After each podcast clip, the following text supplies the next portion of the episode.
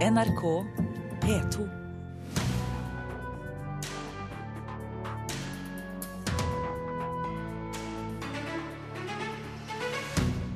Ny krangel om Språkrådet, som i dag begynner jakten på ny direktør. I Russland presses kinosjefer til ikke å sette opp Oscar-nominerte Leviatan, som handler om korrupsjon. Omstridt skulptursalg er fortsatt så betent i Stavanger at kunstnere nekter å delta i debatt over et halvt år etterpå. Og nytt dataspill for strengeste sensur i USA. Hatred gjør spilleren til massemorder uten grunn. Dette er blant temaene i Kulturnytt i Nyhetsmorgen med Ugo Fermariello i dag. Språkrådet er ikke lenger relevant for folk, sier professor Kjell Lars Berge, som selv var kandidat til direktørstillingen i Språkrådet i 2011. Berge mener Språkrådet, som nå søker ny direktør, er blitt til en organisasjon for kommaregler og ikke noe mer. Språkrådet tenderer nå til å være en organisasjon som ivaretar språksystemet vårt. Altså et organ liksom for kommaregler, for å spissformulere veldig. Eh, Språkrådet er i for liten grad et organ for eh, å drive aktiv språkpolitikk for hvordan vi skal bruke språk i samfunnet. Sier professor i tekstvitenskap ved Universitetet i Oslo, Kjell Lars Berge. Språkrådet kan jo ikke leve av på en måte bare å sitte og passe på kommaregler om vi skal skrive bacon med diftong, eller om vi skal skrive det på den engelske måten. altså. Da stillinga som språkdirektør sist gang var ledig, i 2011, var Berge en ønska kandidat hos styret i Språkrådet. Daværende kulturminister Anniken Huitfeldt valgte likevel å ikke innstille Berge. Da det ble forlenga søknadsfrist, så tenkte jeg dette er kanskje for meg likevel. Så leste jeg stillingsutlysninga nøye og fant ut at ja, jeg tilfredsstiller jo disse kravene her. Jeg prøver. Det sa Arnfinn Murvik Vonen da han ble valgt til språkdirektør i 2011. Han har nå sagt opp sin stilling to år før åremålet utløper, og Språkrådet starter i dag letinga etter en ny kandidat. Berge ønsker ikke å søke på nytt. Han mener at stillinga ikke lenger er attraktiv fordi Språkrådet har mista sin relevans. Det er ikke styreleder i Språkrådet, Ottar Grepstad, enig i. Jeg tror det er 10 000 som årlig tar kontakt med Språkrådet for å få hjelp i store og små språkspørsmål, har et annet svar på dette enn Kjell Asperger. Ehm, jeg syns det er påfallende at en som var så eh, sterk kandidat for noen år siden, nå plutselig mener dette, og det blir en parodi uh, i akademisk forstand, å si at Språkrådet driver med, bare med kommaregler. Professor ved Universitetet i Agder, Sylfest Lomheim, var språkdirektør fram til Vonen overtok i 2011. Han synes Språkrådet er relevant, og stiller seg uforstående til Berges kritikk. Det er klart at Språkrådet er relevant, men Språkrådet må jo hele tida sørge for å være Eh, relevant og blir oppfatta som det relevante organet for, eh, for, norsk språk og språkpolitikk. Det men eh, det er jo hele tida utfordringa å være på samfunnsspørsmåla som er knyttet til, til, språk. Men at Språkrådet ikke lenger er et relevant organ, det, jeg forstår ikke en slik utsegn. Berge står likevel på sitt, og mener Språkrådet har mista en del av makta de siste årene. De eventuelle muskler som Språkrådet var ment å ha i, i språkmeldingen, da, er på en måte tatt fra dem. Så det er blitt en sånn stor, slapp, litt overvektig person som, som ikke helt klarer på en måte å, å, springe så fort og være så sterk som det skulle ha vært da. Professor Kjellars Berge ved Universitetet i Oslo til vår reporter Runa Rød.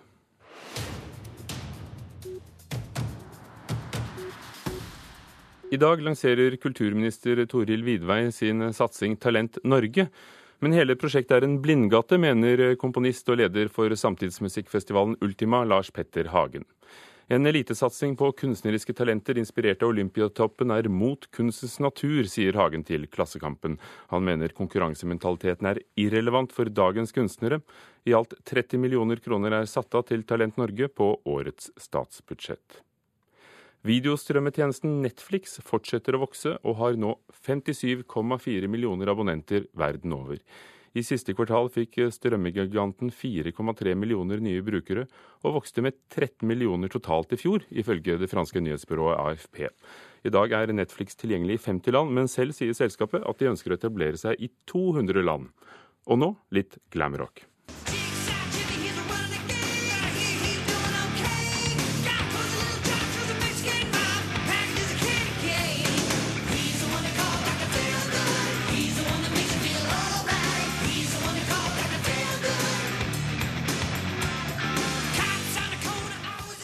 Glamrock-bandet Motley Crew legger opp med det de kaller sin aller siste konsert i Los Angeles på nyttårsaften om nesten ett år. Bandet som kommer fra nettopp Los Angeles, annonserte allerede i januar i fjor at de er blitt enige om å legge ut på sin aller siste turné. Men avslutningen har latt vente på seg. Først nå, ett år etter, lanserer kvartetten det de kaller sin siste konsert. Bandet, kjent for låter som Dr. Feelgood, det var den vi hørte fra her, Girls, Girls, Girls, ble dannet i LA i 1981 av bassisten Nikki Six og trommeslageren Tommy Lee. Den russiske filmen 'Leviatan' går sin seiersgang verden over med strålende kritikker, Golden Globe-pris for beste utenlandske film og Oscar-nominasjon i samme kategori. I Russland møter filmen derimot motstand fra både kirken, lokalpolitikere der filmen ble spilt inn, og regjeringen. Først forsøkte krefter å forby filmen, og nå presses kinosjefer til å la være å sette den opp. Det advarer det norske Helsingfors-komité.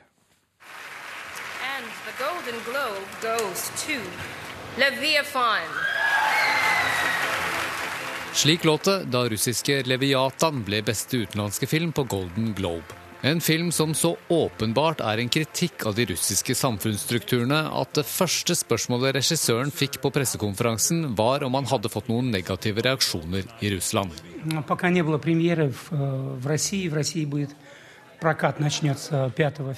Ikke så langt, men filmen har premiere 5.2, så vi får se, svarte Andrej Svjagintsev. Men det var meget diplomatisk formulert. Det er flere myndighetspersoner som har gitt eh, uttrykk for at denne filmen bør man ikke se. Sier Lene Wetteland i Den norske Helsingforskomité. Hun sier at både kirken, lokale myndigheter i Murmansk, der handlingen utspiller seg, og sentralmakten har forsøkt å hindre at filmen blir vist. Til og med Kulturministeren, som jobber i det departementet som ga støtte til filmen, har sagt at dette er ikke en film jeg liker.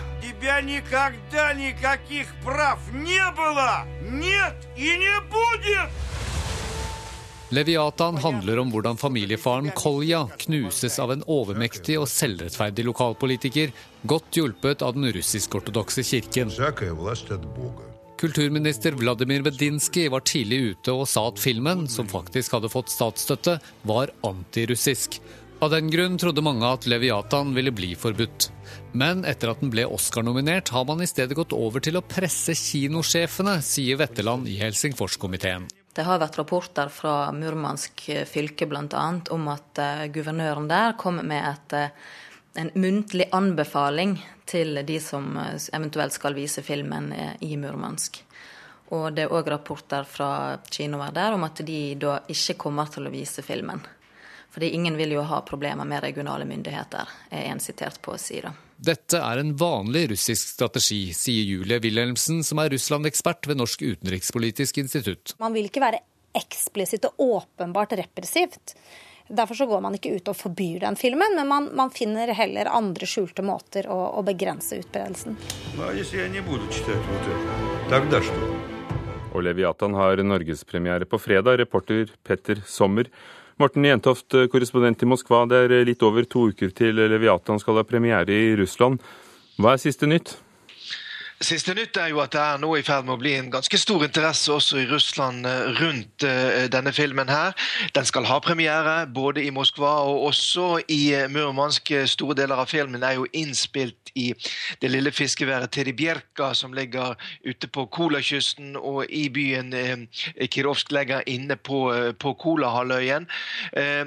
og som det ble sagt i reportasjen her, det er en kraftig debatt rundt denne filmen her. men og meningsmålinger har vist at uh, folk er delt på midten her, da.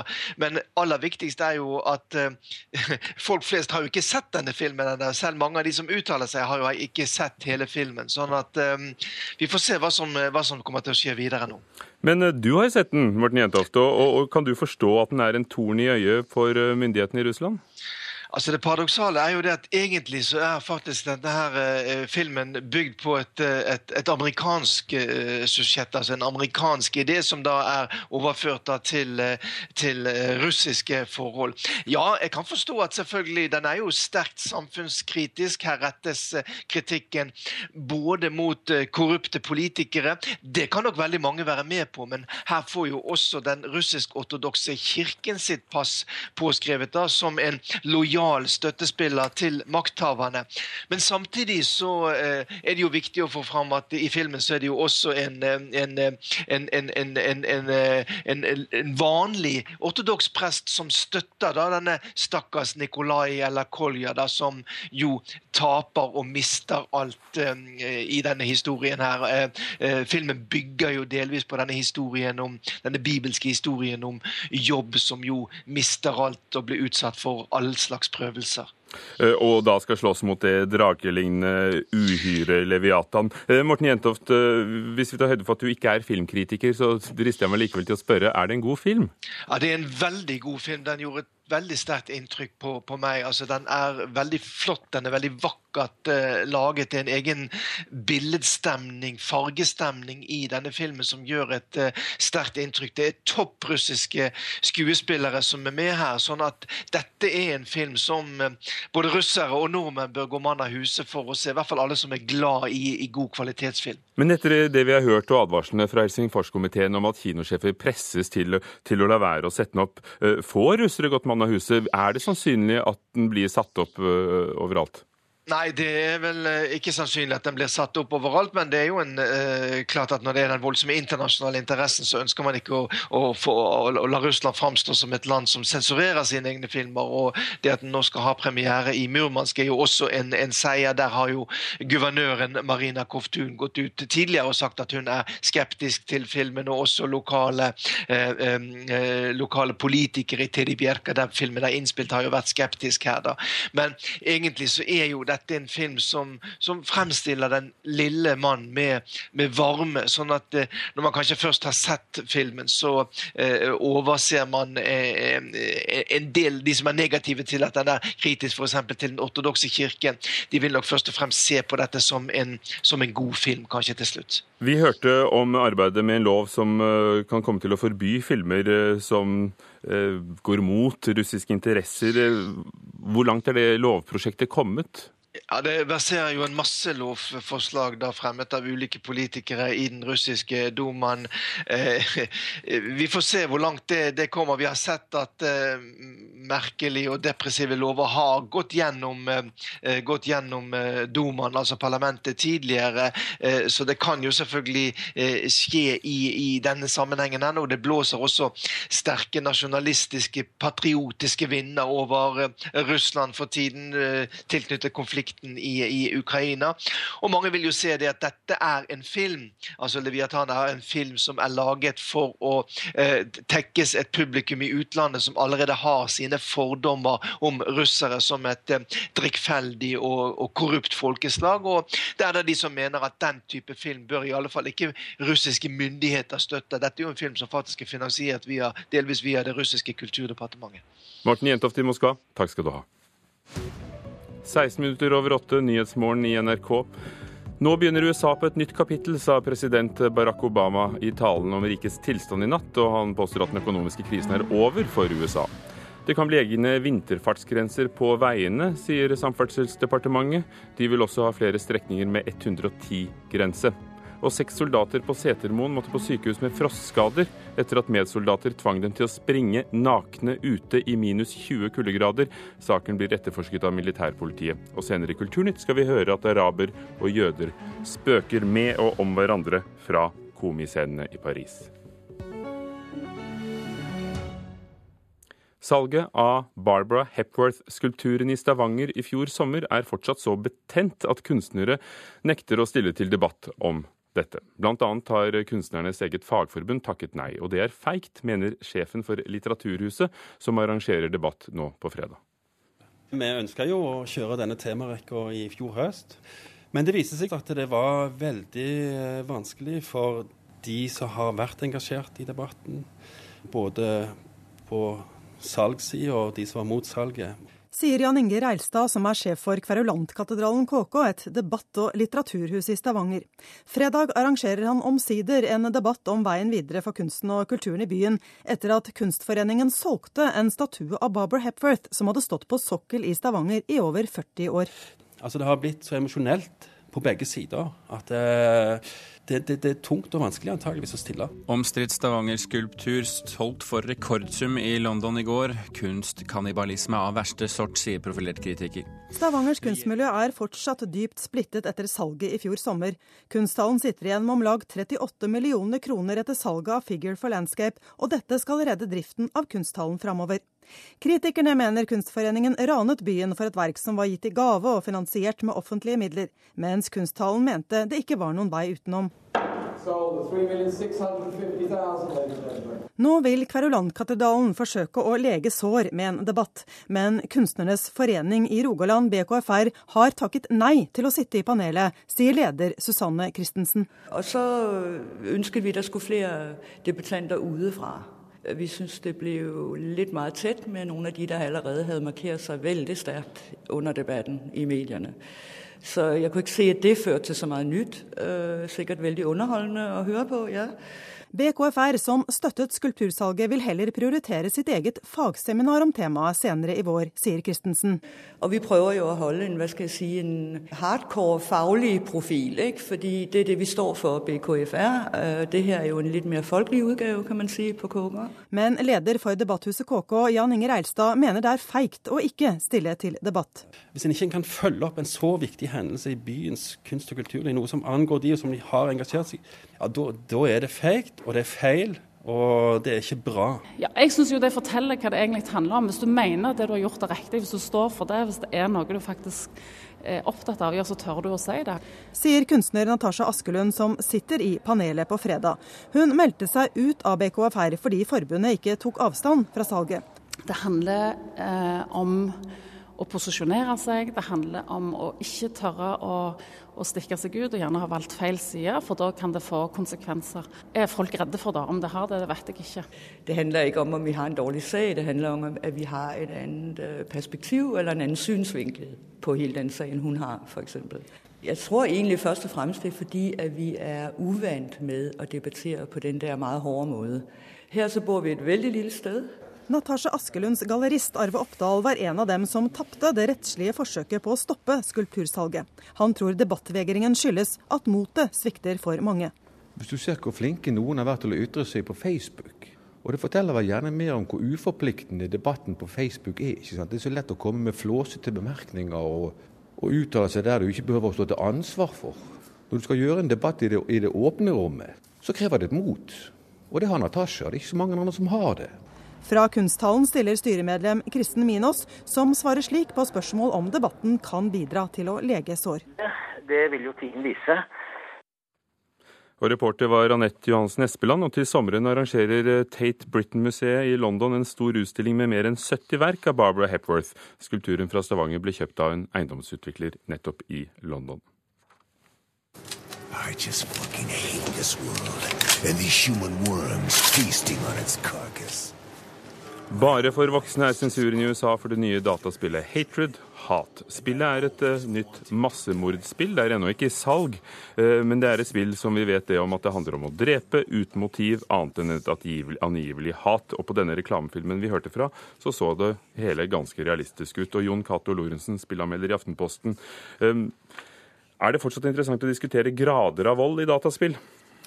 Ja, det vil jeg si er fortsatt interessant, i og med at spill, eh, altså det grafiske uttrykket i spill utvikler seg stadig, og innlevelsen, spesielt med ny teknologi som virtual reality og sånn, blir også mye sterkere. Så det vil nok fortsatt være relevant å diskutere hva man kan uttrykke i dataspillform. Og på det du vet om og har sett, eh, det lille som finnes å se av Hatred, hvor vil du plassere det? Det er jo et spill eh, laga av eh, en gjeng fra Polen som tydeligvis er ute etter å, å provosere og lage et kontroversielt spill. Eh, det rir litt på en sånn bølge, for de siste årene har det vært veldig inn med litt mer sånn kunstneriske spill. Spill med sosial relevans, spill med litt, litt større betydning, litt, litt, mer klare budskap, og bruke spill mer kunstnerisk. Og som de sjøl sier på nettsida si, det, det syns de er tull, og de vil lage et spill som en slags motpol til det her. Et spill der alt er lov, der spilleren har total frihet og skal bare drepe drepe alt uten konsekvenser. Spillet finnes jo ikke ennå i salg, men eh, det er, har likevel fått en kun for voksne-merking i USA allerede. Og det skal være det andre historien som får det, bare pga. vold og banning. God markedsføring? Det tror jeg de ser på som god markedsføring, ja. Noe annet ville vel vært litt skuffende for, for den lille kjernen med, med, fans som står og heier på dette spillet, som, som et slags eh, uttrykk for at alt er lov i spill. Eh, samtidig så vil det nok eh, forårsake litt problemer. altså Nå skal vel ikke det her spillet selges fysisk. Eh, spill med den aldersmerkinga blir ikke tatt inn i de største butikkjedene i USA. Så de hadde ikke hatt noen mulighet til å selge det fysisk der. Men det er vel også et spørsmål om de får solgt det via nettbutikker. For det er mange nettbutikker som distribuerer spill digitalt, som heller ikke vil ha spill med den aldersmerkinga. Eh, I Europa er det en egen organisasjon, PEGI, som gir eh, aldersgrenser. Men det er helt frivillig, man må jo selv melde det inn. Er det noen diskusjon i spillmiljøet og blant spillinteresserte hvorvidt det bør være en, en lovpålagt aldersgrense, alle det vi har for offentlig kino? Nei, det er nok ikke en, en veldig stor diskusjon rundt det. Altså, de, alle, alle, de store utgiverne de støtter Pegis, så alle de spillene deres går gjennom PG-systemet. Og hvis Hatred blir plukka opp av en eh, middels stor utgiver, så vil nok de også sende spillet inn til PG for å få det, det vurdert, fordi det er de forplikta til å gjøre via avtalene de har. Men, men det er fritt fram for hvem som helst å slippe hva de vil på nett uten aldersmerking. Du nevnte at det har gått en trend i retning av mer kunstneriske og sosialt relevante spill. Men hvilke paralleller har du til det dette ser ut til å bli? Hva, hva finnes allerede av denne typen voldsspill? Det finnes en del, eh, men det er veldig sånn amatørprosjekter med hjemmesnekra amatørgrafikk og litt sånne ting. Men det var ti, ti år siden sånn cirka, så var det et spill som heter Postal og Postal 2 Eh, det var på en periode der eh, det var litt nyhetssaker fra USA om at postmenn gikk amok og tok med seg pistoler og, skjøt folk og seg sjøl. Eh, det var visstnok veldig fælt å jobbe i Posten på den tida. Så dette spillet ble laga som en slags parodi på denne nyhetstrenden. Og det, fikk, det, det, er et veldig likt spill som det her. Der skulle man drepe uskyldige, og man kunne urinere på lik man hadde drept. og Det var veldig sånn smakløst eh, voldsspill. Men grafikken har jo kommet lenger siden da, så Hatred ser jo mye mer realistisk ut enn Postal noen gang gjorde. Med det du vet om, om, om markedet, tror du det vil slå an når det kommer? Det her er et lite spill, det er et lite studio. Det er egentlig et spill som har fått ufortjent mye oppmerksomhet fordi det har ridd, eh, blitt en slags fanebærer mot disse kunstneriske spillene. Jeg tror ikke det blir noe stort. Vi snakker ikke om noe Grand Theft Auto-spill her. Dette er et spill som noen tusen eh, vil være interessert i. Det, det er ikke noe storselger. Jon Cato Lorentzen, spillanmelder i Aftenposten. Da slutter også vi å gi det oppmerksomhet herved. Takk skal du ha. I dag er det to uker siden angrepet mot eh, satireavisen Charlie Hebdo i Paris. I Frankrike er det ikke bare satire humoristene er opptatt av for tiden. Flere jødiske og arabiske komikere spøker nå om hverandre på scenen. Faire des vannes sur les Arabes, il faut être arabe. Si tu veux faire des vannes sur les Noirs, il faut être noir. Si tu veux faire des vannes sur les Juifs, il faut un bon avocat. Ska man tulle om araber bör man vara arab själv. Ska man skämta om svarta människor bör man vara svart. Men ska man tulle om judar, ja då bör man ha en bra advokat, spökar muslimske komikern Fodil Kaibu och publiken skriker av skratt.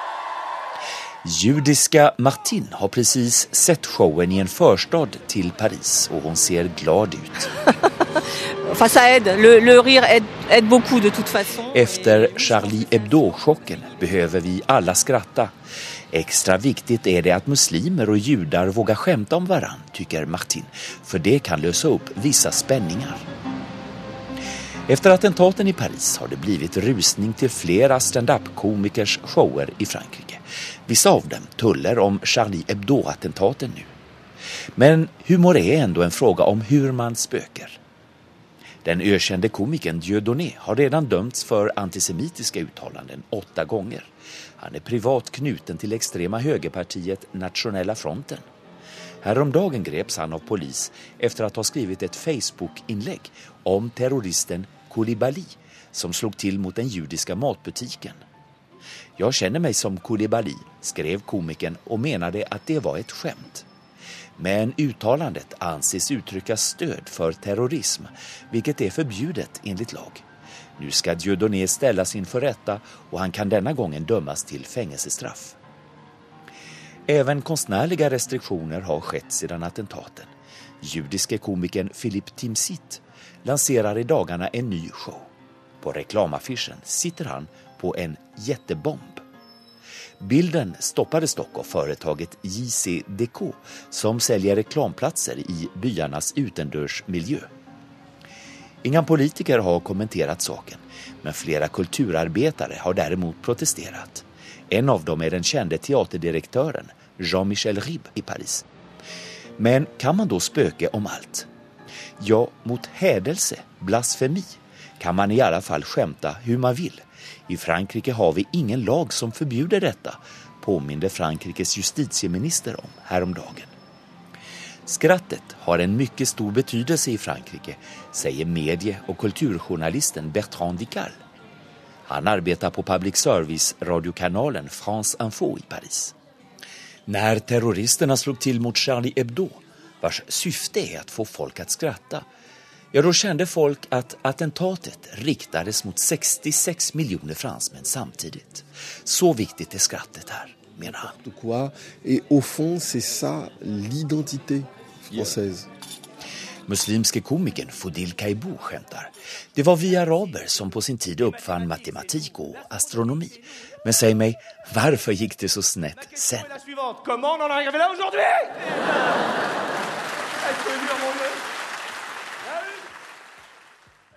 Reporter i Paris var Johan Tolgert. I Kulturnytt i dag har vi hørt at Språkrådet begynner jakten på ny direktør i dag.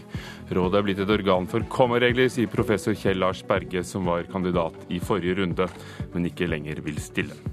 Espen Alnes var produsent for Kulturnytt, Hanne Lunås teknisk ansvarlig, programleder Hugo Fermariello. Hør flere podkaster på nrk.no podkast.